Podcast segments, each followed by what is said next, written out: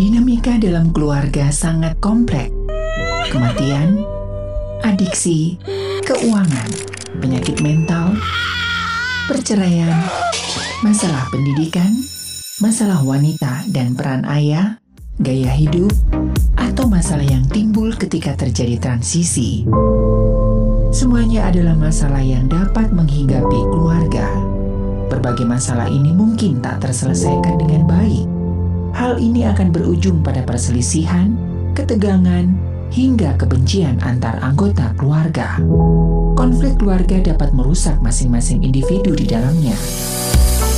Bersama narasumber yang berkompeten di bidangnya, akan mengasah keterampilan dalam menyelesaikan masalah secara efektif dalam pelangi kasih.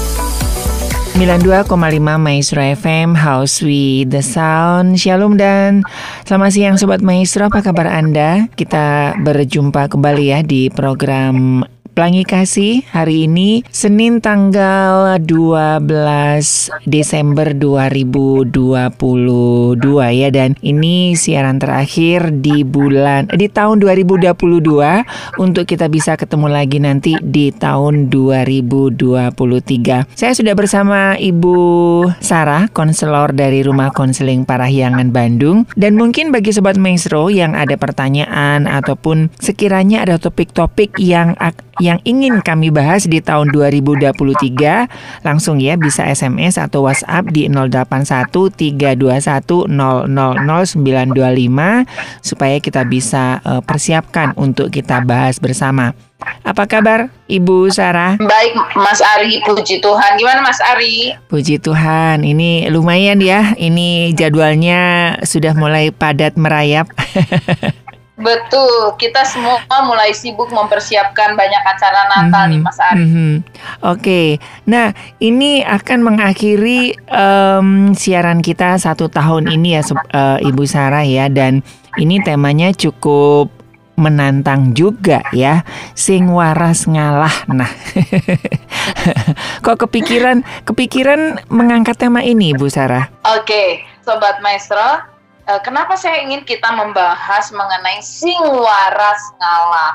Karena uh, ternyata manusia itu ter tidak tergantung kepada jabatannya ya. Mm-hmm. Ternyata mengalah itu susah dan Betul. kalau kita mau bicara mengenai mental health ya dengan mm-hmm. topik saya beberapa minggu yang lalu mengenai mental health mental health itu ya. Jadi mental yang sehat itu adalah di mana kondisi seseorang itu mampu memiliki kemampuan untuk menyadari potensi dirinya, kemudian mampu mengatasi tekanan hidup, mm-hmm. mampu mengatasi uh, apa ya, maksudnya uh, bagaimana dia bisa bekerja secara produktif dan ternyata ada satu bagian dari mental health itu adalah mampu menyelesaikan konflik dalam hidupnya. Mm. Nah, Bagaimana kita bisa menyelesaikan konflik dengan cara yang paling mudah?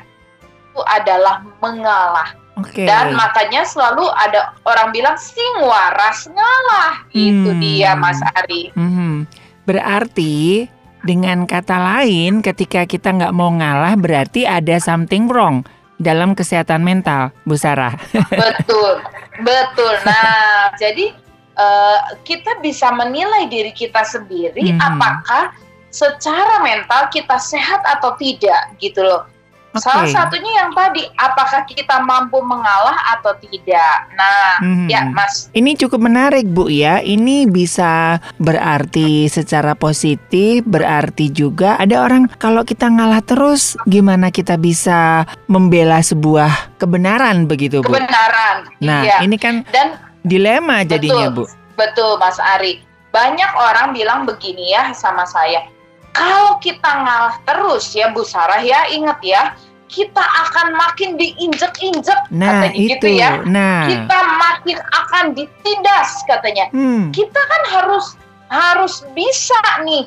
Jangan sampai orang seenaknya sama kita. Oke. Okay. Yeah saya pernah bertemu dengan seseorang dan dia bilang begini kan aku dia bilang dia diserobot warisannya dia begitu ya mm-hmm. terus saya bilang satu kata ya udah ngalah terus dia langsung marah dan dia bilang ih kamu mah nggak ngerti ini warisan ini Hmm. milik saya, ini direbut, nggak bisa. Gimana saya mesti ngalah? Itu haknya saya, itu haknya saya, katanya gitu. Iya.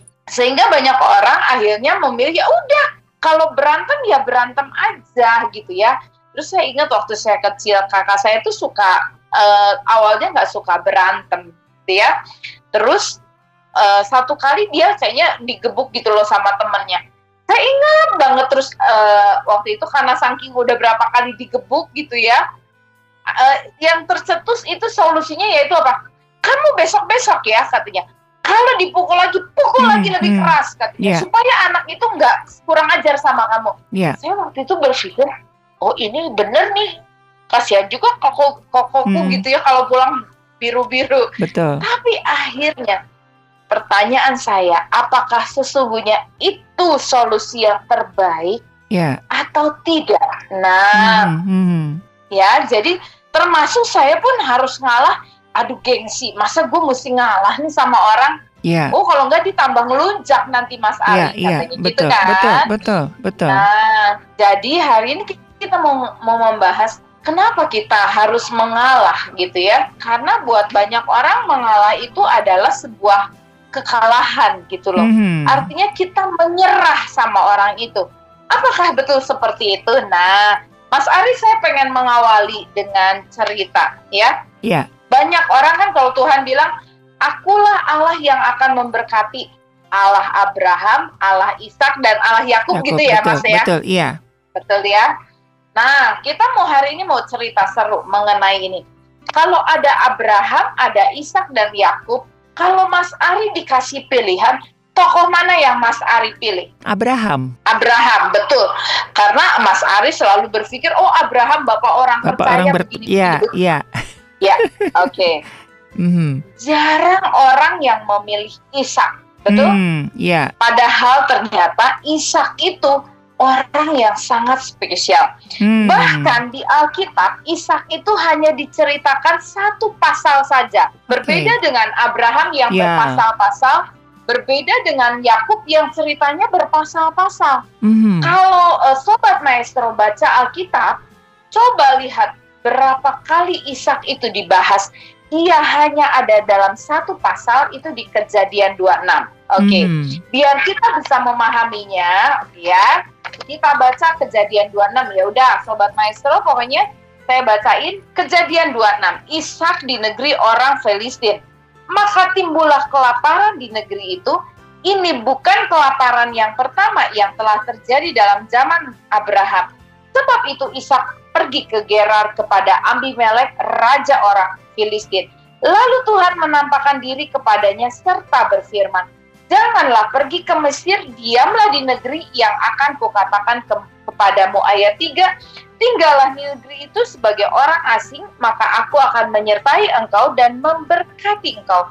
Sebab kepadamu lah dan kepada keturunanmu akan kuberikan seluruh negeri ini, dan aku akan menepati sumpah yang telah kuikrarkan kepada Abraham ayahmu. Aku akan membuat banyak keturunanmu seperti bintang di langit, Aku akan memberikan kepadamu keturunanmu seluruh negeri ini, dan oleh keturunanmu semua bangsa di bumi akan mendapat berkat. Karena Abraham telah mendengarkan firmanku dan memelihara kewajibannya kepadaku, yaitu segala perintah, ketetapan, dan hukumku. Jadi tinggallah Ishak di Gerar. Jadi kejadian 26 ayat 1 sampai 6 menceritakan bahwa pada waktu itu terjadi kelaparan di Israel dan ini pertama kali bukan pertama kali terjadi ya.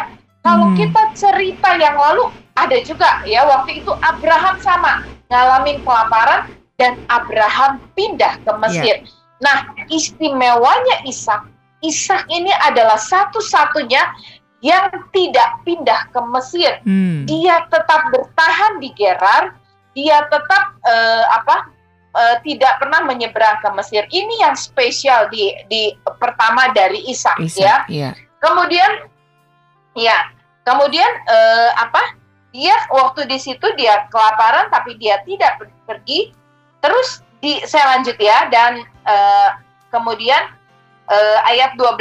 Maka menaburlah Ishak di tanah itu dan dalam tahun itu juga ia mendapat hasil seratus kali lipat sebab ia diberkati Tuhan dan orang itu menjadi kaya bahkan kian lama kian kaya hmm. sehingga ia menjadi sangat kaya ia mempunyai kumpulan kambing domba dan lembu sapi serta banyak anak buah sehingga orang Filistin itu cemburu kepadanya segala sumur yang digali zaman Abraham ayahnya oleh hamba-hamba ayahnya itu telah ditutup oleh orang Filistin dan ditimbun dengan tanah. Lalu kata Abimelek kepada Ishak, pergilah dari tengah-tengah kami sebab engkau telah menjadi jauh lebih berkuasa daripada kami.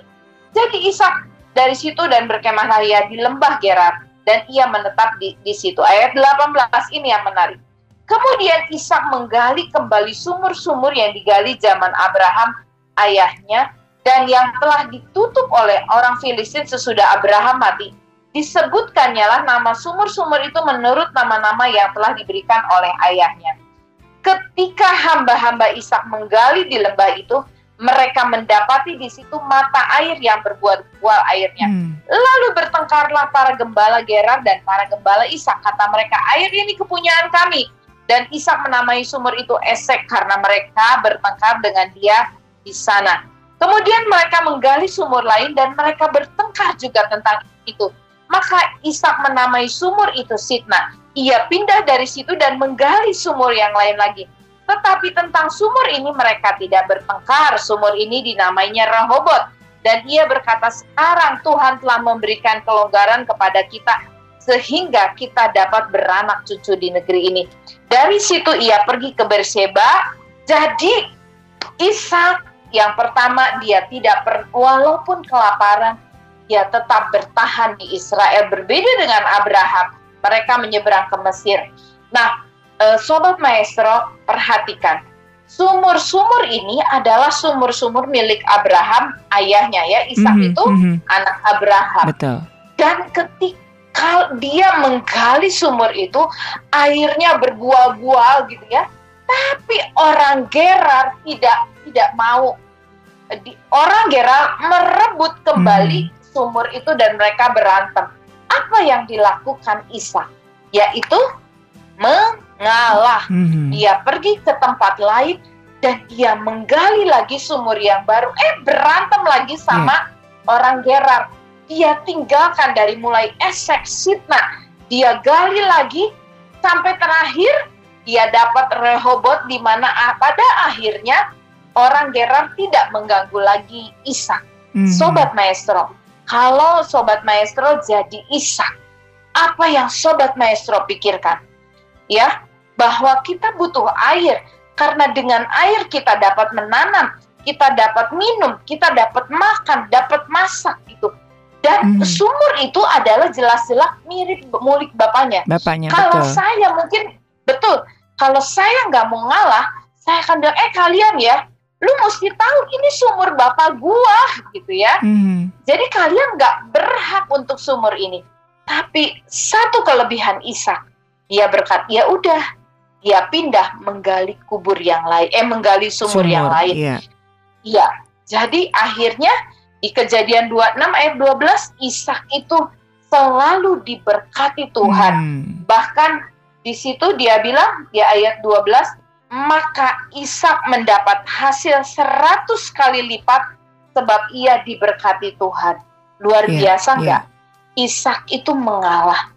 Uh, dan ternyata di balik Ishak mengalah, Tuhan tidak pernah meninggalkan Ishak.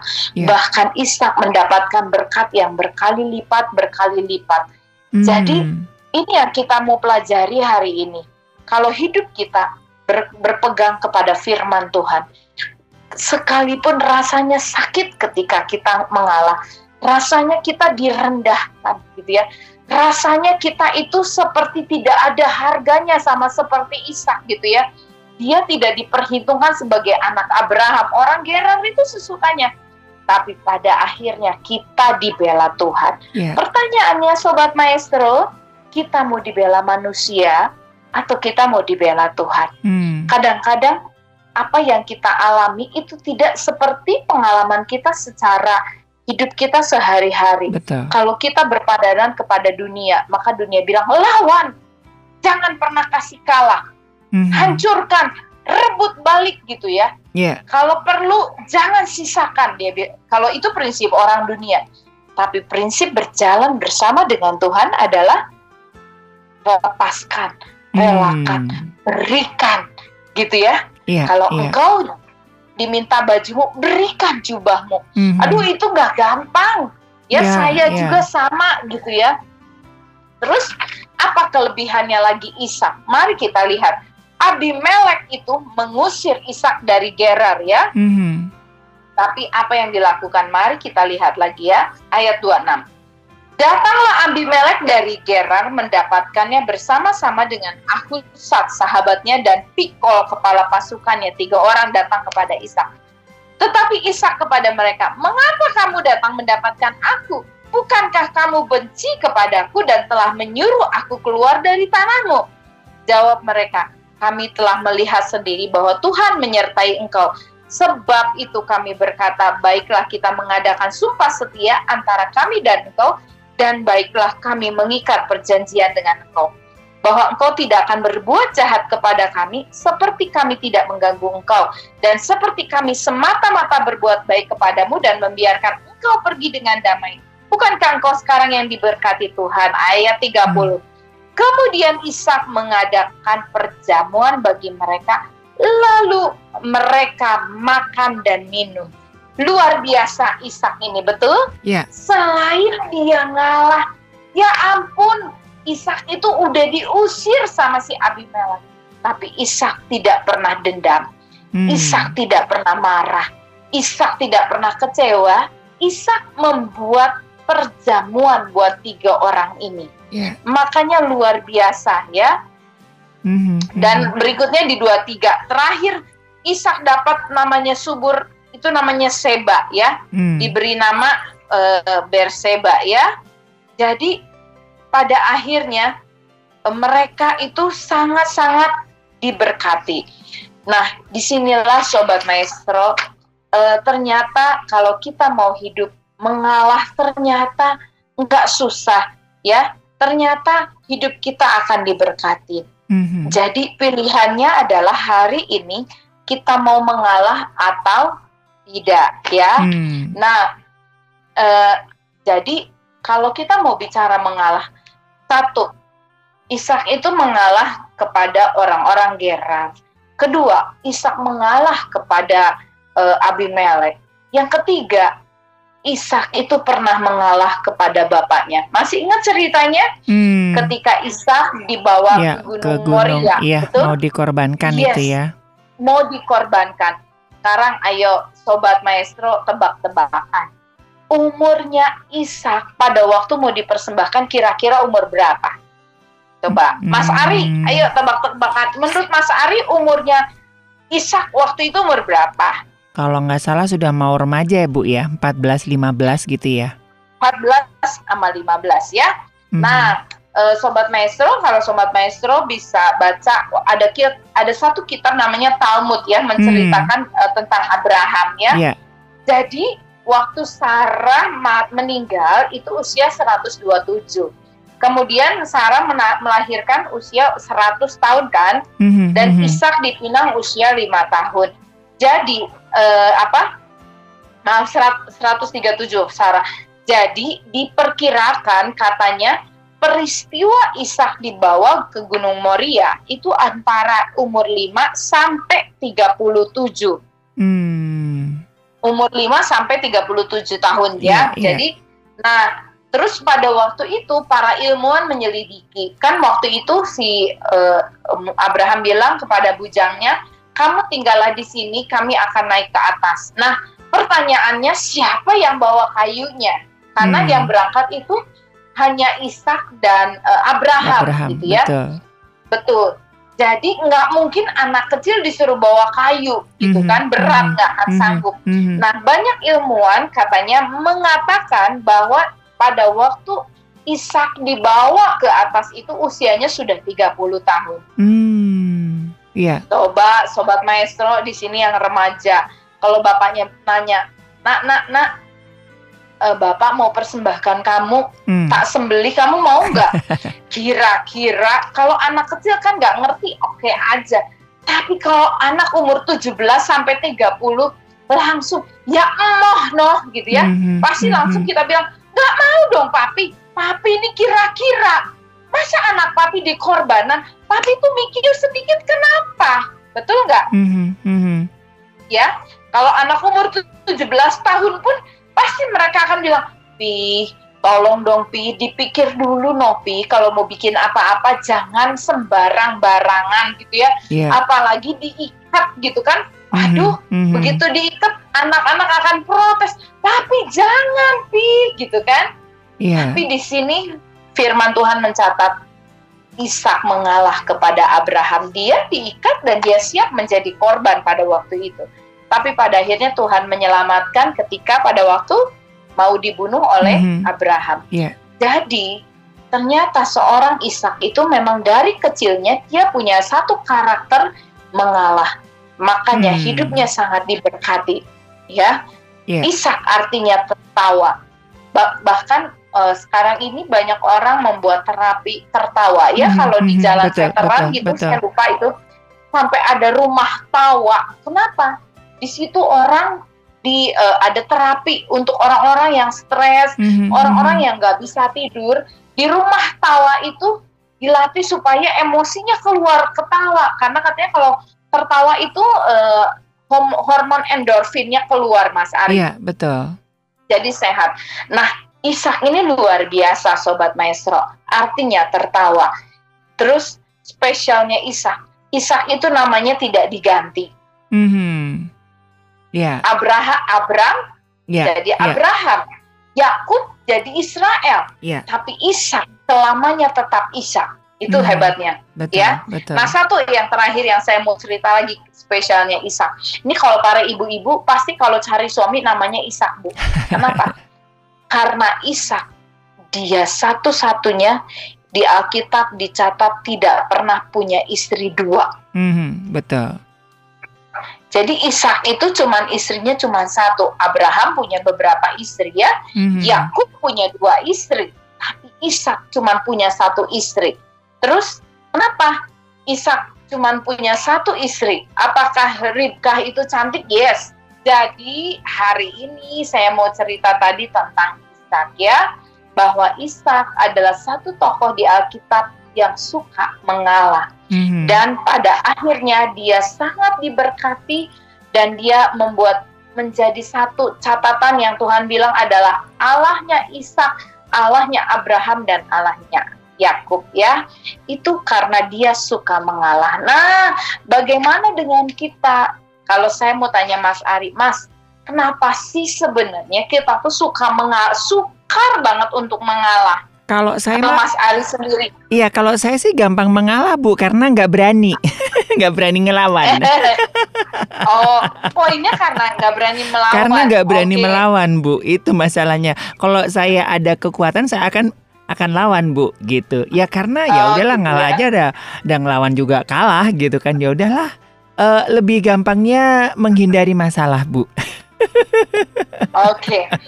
Ya, kalau para istri nih, ayo sobat maestro, Mhm. para istri yang lagi dengar siaran ini, para istri kenapa sih kita susah, Susah banget ngalah sama ya. suami?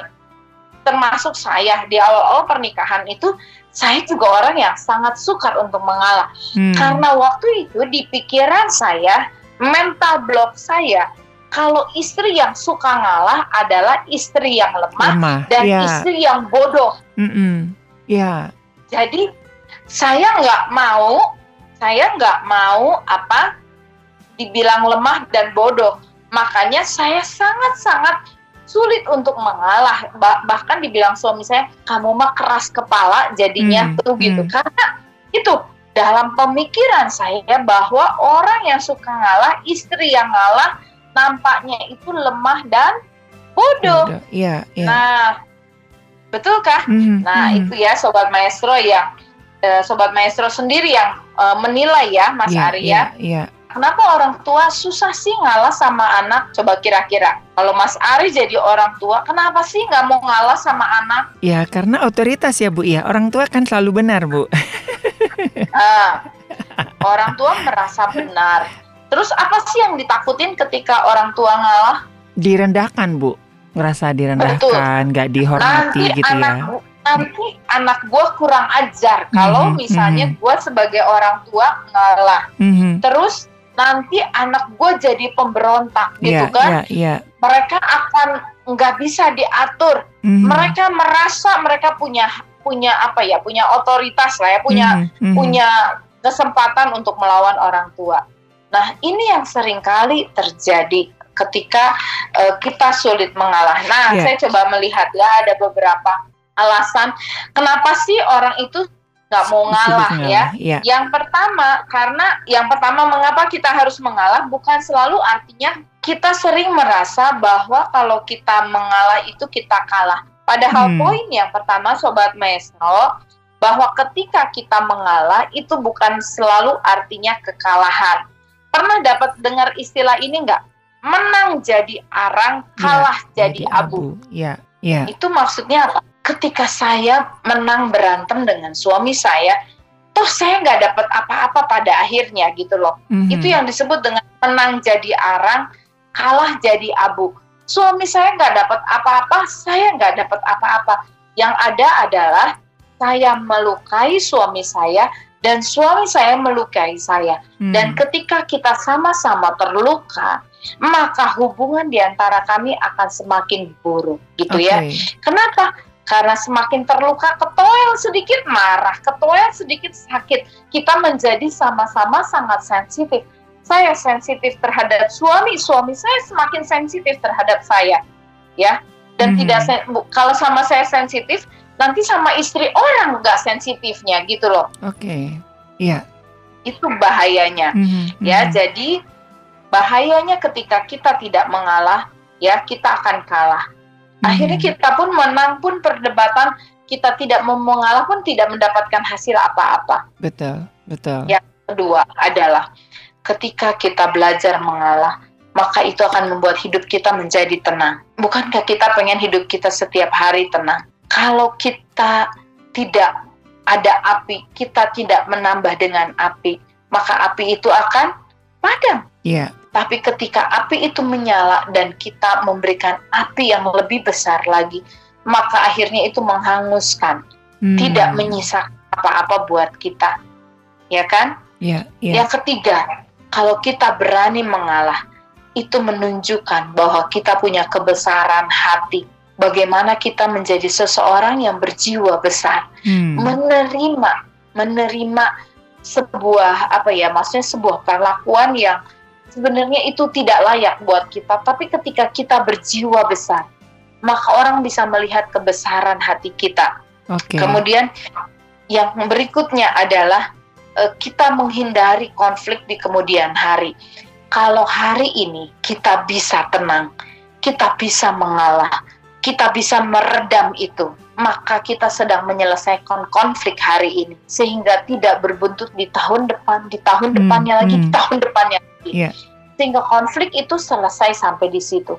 Tapi kalau kita tidak mau mengalah, maka konflik itu seperti gunung batu, eh, seperti eh, gunung eh, gunung berapi yang semakin hari semakin besar, yang semakin hari semakin besar, dan pada akhirnya gunung berapi itu seperti Semeru yang akhirnya meledak ke mana-mana. Dan ketika gunung berapi itu meledak, kita tidak pernah bisa menyelamatkan apa-apa karena Betul. sudah meledak yang Mhm, tersisa mhm. kopong gunungnya gitu Iya, kan. Sekali lagi dan juga yang terakhir, ketika kita mau mengalah, maka itu menunjukkan kedewasaan seseorang dari cara dia mengalah. Jadi Hmm. semakin Anda dewasa, maka kita akan menunjukkan dengan cara semakin mudah untuk kita bisa mengalah. Oke. Jadi kalau kita masih an- perhatikan anak kita, kalau dia sedang pegang es krim yang dia suka, ketika kita coba minta dikasih enggak, Mhm. dipegang tambah marah, kita rebut nangis karena itu anak-anak. Tapi Iya. ketika dewasa, adiknya minta koko, boleh nggak?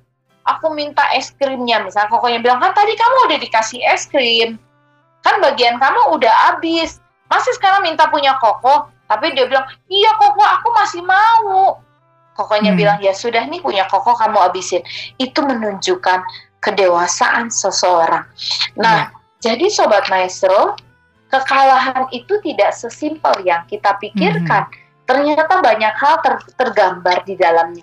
Kedewasaan kita, kebesaran hati kita, kemudian kerelaan hati, ke- kelembutan hati kita, bagaimana kita bisa menerima apa yang eh, kita miliki, kita relakan kepada orang lain. Bagaimana kita bisa melepaskan haknya kita kepada orang lain. Itu nggak mudah. Iya. Tapi di balik itu, ketika kita mengalah, Tuhan akan bela kita. Tuhan akan gantikan apa yang kita lepaskan. Iya. Itu I- iya. Ari. Ya, ini tuh sangat menarik ya, Bu ya. Eh, saya cuman kepikiran begini, Bu. Untuk mengalah ini ya, untuk tendensi orangnya ya, apakah orang-orang yang mempunyai kedudukan, mempunyai sesuatu yang lebih begitu, itu yang tendensinya untuk lebih susah mengalah, Bu? Kalau misalkan Ya, betul. betul. seperti tadi Ibu Sarah dari awal kan disampaikan begitu kan kakak sama adik ya udah yang gede harus ngalah, yang pimpinan harus ngalah, orang tua harus ngalah. Jadi artinya tendensi untuk susah mengalah itu dari orang-orang yang superior gitu Bu. Bisa jadi Mas Bisa. Ari ya. Oke. Karena misalnya karena eh, posisi dia merasa dia sudah jadi pimpinan, dia sudah menjadi orang besar, orang yang mungkin dinilai orang hebat gitu loh. Mhm. Eh, berbeda mungkin dengan orang-orang biasa, Mhm. bahkan mungkin orang-orang yang tingkat ekonominya rendah, sehingga dia udah terbiasa direndahkan, sehingga ketika posisinya dia mengalah, dia lebih mudah melakukannya dibandingkan orang-orang yang berada di di area puncak Hmm, yang tadi orang-orang yang sudah terbiasa disanjung, Iya. orang-orang yang punya punya uh, uh, title gitu ya, dipuja gitu, sehingga dia merasa harga dirinya itu udah sangat-sangat tinggi, Mas Ari. Hmm.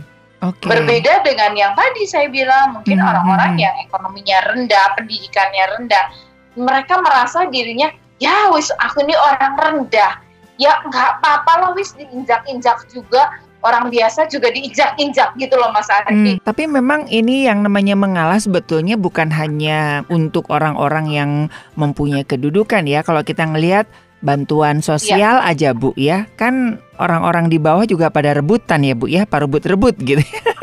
nggak- Iya, nggak ada yang mau ngalah. ya. betul, Iya. betul. Ya kan dari BLT begitu kan. Kalau di jalan aja gitu antara mobil sama sepeda motor juga aduh nggak ada yang mau ngalah. Terus juga kalau lagi kondangan gitu Bu, kita bisa ngelihat karakter seseorang Bu katanya Bu. Lihat aja di kondangan waktu makan. nggak mau ngalah.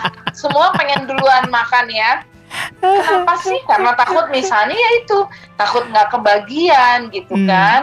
Jadi Nah, memang merasa diri Mhm, penting. oke. Atau kalau kita mau bicara ada satu kata yang membuat kita sulit untuk mengalah adalah ego. Egois. Hmm, Apa sih egois itu?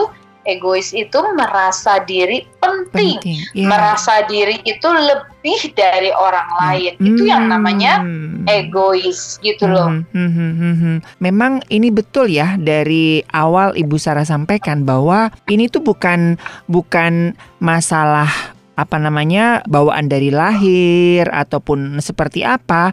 Memang ini ada something wrong di dalam kesehatan mental ya Bu ya. Betul. Jadi kita bagaimana memberikan diri untuk memulihkan mental kita Hmm, bahwa setiap kita berharga di mata Tuhan, Iya. setiap orang itu penting. Ya, memandang manusia itu seperti Tuhan memandang gitu loh. hmm, Kalau istri eh, melihat suami seperti eh, Tuhan memandang suami kita, kan Tuhan bilang dia mulia, dia Iya, itu iya. sama seperti kita. Jadi ya udah, mari istri mengalah kepada suami. Terus kalau ditanya balik, kita harus ngalahnya berapa lama nih Mas hmm. Ari? Ya, ya. Betul. Semut aja menggigit Bu kalau diinjek Bu. Ya. Nah, ketimbang dia nginjek kita injek Kita duluan, injek duluan, kan gitu gitu. iya. Tapi itu prinsip dunia. Dunia, ya. Balik lagi. Coba kita lihat, ada satu tokoh lagi yang mengalah, Abraham. Abraham Ya, dan Lot. Lot, ya betul. Lot itu cuman keponakan. Itu Mhm. harusnya Abraham itu yang punya kekuasaan, dia yang diberkati, dia yang punya janji Tuhan. Tapi ketika bujang-bujangnya berantem, apa Hmm, yang Abraham hmm. lakukan? Lot, silahkan. Kamu mau pilih yang mana? Mhm. Yang akan menjadi tempat tinggalmu. Luar biasa nggak? Kurang ajarnya si Lot apa? Lot pilih yang tempat paling subur. Ya. Betul? Dia dia lupa bahwa itu ada tempatnya Sodom dan Gomora. Betul? Betul. Nah, Akhirnya Abraham mengalah dong, mengambil bagian tanah yang lain. Tapi balik lagi ujungnya Tuhan bela Abraham. Hmm. Abraham tidak pernah menjadi miskin. Ya. Abraham menjadi bapak yang sangat diberkati. Bahkan karena berkatnya Abraham, berkat itu turun kepada Ishak, turun kepada Yakub, turun terus sampai Hmm, sekarang. hmm, hmm. Tapi Lot pada akhirnya ketika dia egois, kalau seharusnya yang benar nih ya, kalau saya jadi Lot, saya akan bilang gini, paman, saya ini cuman ikut sama paman. Hmm.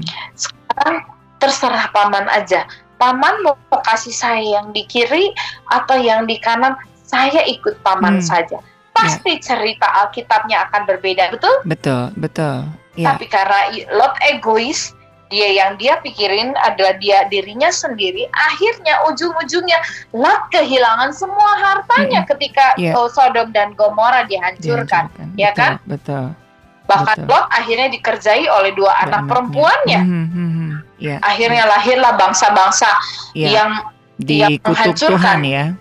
Iya. Ya, nah, ya. Oke. jadi kadang-kadang kita menganggap eh, mengalah itu hal yang sepele. Hmm. Enggak. Hmm, hmm, hmm. Mengalah itu membuat seseorang hidupnya berbeda. Nah, bagaimana Bu caranya untuk kita bisa memiliki pribadi karena yang mau mengalah ini, Bu? Ini kan bukan sebuah anugerah, bukan sebuah karunia, Bu ya. Yang se- Iya. sekali berdoa gitu kan, doa Tuhan aku Iya. minta eh, kesabaran untuk mengalah mak celing gitu kan, nggak segampang enggak, itu, Bu. betul. Oke, Sobat Maestro, bagaimana sih kita bisa mengalah? Satu kuncinya adalah latihan. Hmm, Kita nggak bisa meng- langsung mengalah, tuing hari ini, besok Ya. saya menjadi orang yang tidak egois. No, orang bisa berubah itu perlu latihan. Mhm. Mengizinkan Tuhan, mengizinkan Roh Kudus untuk bekerja dalam hidup kita dalam setiap hari. Ya. Kita bilang sama Tuhan, Tuhan, ajari hari ini untuk aku nggak jadi egois. Aku jadi orang yang seperti Tuhan mau, gitu kan? hmm, Saya jadi istri yang seperti Tuhan mau. Maka Tuhan akan ajarin. Ya, kita melihat seperti tadi.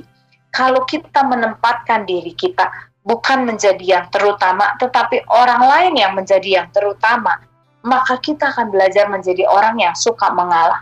hmm, Kalau saya suami saya sangat penting buat saya, dia berharga buat saya, ya sudah. Saya kalau suami saya mau ambil bagian saya, ya udah silahkan. hmm. Rugi, rugi. Sedih, sedih. Tapi baliknya, satu kali kita akan dibela Tuhan. Oke. Itu yang akan terjadi dalam hidup kita. Hmm, Tuhan itu nggak pernah ingkar janji. Sekali lagi, sepertinya kita kayak orang bodoh. Memang ikut Tuhan tuh kadang-kadang kayak orang bodoh, betul? betul, betul. Ya. Kita kadang-kadang, ya ampun, udah dia yang salah, gue yang minta minta maaf. Hmm, Udah hmm. minta maaf, katanya berbuat baiklah kepada orang Ya. yang jahat. Duh Tuhan cing, atau kira-kira ini orang udah jahat pisan, sama gue udah dimaafin. Sekarang gue mesti berbuat baik, tapi itulah firman Tuhan, gitu loh. Hmm. Ya, iya, Nggak ada pilihan, betul, tapi betul. di situlah kita dibela Tuhan. Jadi, Sobat Maestro, kita mau dibela manusia atau kita mau dibela Tuhan? Hmm, Pilihannya itu. Betul, Kalau betul. kita mau minta dibela Tuhan, pada akhirnya kita kecewa. Kenapa? Iya. Karena orang belum tentu mau bela kita. Kadang-kadang orang bela kita karena juga ada maunya, gitu loh. Hmm, Betul? betul, betul. Mendingan kita dibela Tuhan. Betul, betul. Eh, apa yang disampaikan Ibu Sarah lewat Ishak ini, eh, saya baru menyadari ini ya Bu ya, bahwa ternyata kita itu tidak hanya sampai mengalah aja Bu kan, oke saya mengalah tapi gua nggak mau urusan sama lo, gitu kan. Sepertinya mengalah Iya. Bu ya. Nah, tapi apa yang disampaikan Ibu Sarah tadi lewat Ishak, eh, dia sudah mengalah, tapi dia juga tetap berlaku baik dengan orang yang menzolimi kita gitu. Ini kan Iya.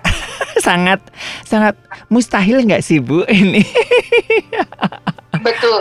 Kayaknya di dunia ini rada-rada mustahil ya. Ya. Kita tuh selalu bilang gini, asal tuh mungkin Bu Sarah kita teh bisa Ya. begitu. Iya, memang. Tapi itulah yang Tuhan mau. Iya. Dan dan di situlah sekarang kalau saya tanya balik lagi ya, ada nih, lihat kejadian 26 ayat 13 Mhm. ya. Maka menaburlah Ishak di tanah itu dan dalam tahun itu juga ia mendapat hasil 100 kali Yes. lipat Amin. sebab ia diberkati Tuhan dan orang itu menjadi kaya Hmm. bahkan kian lama kian kaya sehingga ia menjadi sangat kaya. Amin. Kalau lagi khotbah Ya. saya tanya, "Amin Bapak Ibu." Wah, semuanya akan bilang, "Amin, Bu." Tapi balik lagi, Hmm. mau nggak kita nggak? mengalah? Itu dia. Jadi balik lagi, eh, sobat maestro, Tuhan itu luar biasa. Mhm. Tuhan Mhm. itu tidak pernah paksa kita melakukan sesuatu. Iya. Tuhan itu selalu kasih pilihan. Kamu mau boleh, kamu nggak mau ya terserah. Tuhan bilang begitu. Mhm. Mhm. Jadi sekarang pilihannya di tangan kita. Kalau kita mau diberkati, kalau kita mau kaya, menjadi sangat kaya, pilihannya adalah kita mau mengalah atau tidak. Udah banyak contohnya. Ada Hmm. Ishak, ada Abraham, ada satu lagi, satu orang yang sangat mengalah, yaitu siapa? Yesus. ya Yesus lahir. Ini kan Natal nih, betul sobat betul maestro ya. betul. Natal. Yesus lahir, Yesus melayani, dia mau mengalah buat kita. Dia mau mengalah mati buat kita. Buat kita yang jubul, buat kita yang keras kepala, buat kita yang pika sebelun, buat kita yang eh, yang egois. Yesus mau ngalah. Yesus mau merelakan dirinya untuk mengorbankan dirinya menebus dosa kita. Jadi, apakah Yesus direndahkan? Iya, betul. Hmm. Yesus injak-injak yes gitu. Bahkan matinya dia ter dia bersama dengan orang-orang yang berdosa. Ya. Tapi ketika dia bangkit, dia menjadi tetap anak Allah yang dipuja, yang ditinggikan, betul yang betul. disanjung. Jadi Betul. balik lagi, mengalah ini pilihan. Hmm. Sekarang kalau kita mau diberkati, hidup kita mau menjadi sangat kaya, kuncinya sangat sederhana. Bukan kerja keras saja, tapi mengalah. Nah, Ya, itu ya. dia. Betul, betul. Saya ingat Bu ya, ini ada ini ini dalam konteksnya dalam kehidupan sehari-hari ya Bu ya. Ini ada eh, Ya. istri yang diselingkuhin suaminya begitu ya. Nah, selama beberapa tahun ya namanya istri yang pertama kan dia punya hak, punya eh, hak hak penuh terhadap suaminya, bahkan di mata hukum begitu. Wah, pokoknya oh dia harus mempertahankan suaminya begitu.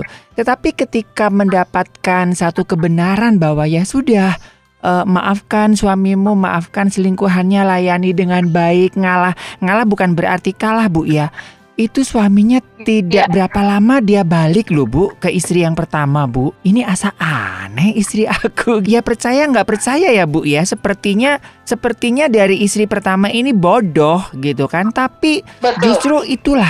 Jadi ketika dia bawa eh, pulang eh, selingkuhan suaminya, Neng, mau makan apa, Neng? Mau mandi air anget, air dingin gitu. Suaminya bingung, Bu. Daripada awalnya dulu dilabrak-labrak ya, ngamuk-ngamuk, eh dilayanin dengan begitu luar biasa. Jadi suaminya asa era.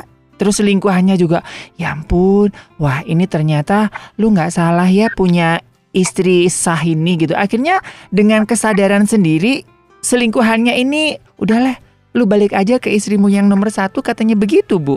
Betul. Jadi saya juga minggu lalu ketemu dengan seseorang yang dia cerita Mhm. dia punya sahabat sama. Jadi dia punya suami itu kerjanya tukang kawin. dia nih istri ini udah eh, luar biasa lah ya. Mhm. Maksudnya dia sangat-sangat berjiwa besar. Sampai maksudnya dia setiap kali suaminya selingkuh kawin lagi kawin lagi gitu ya.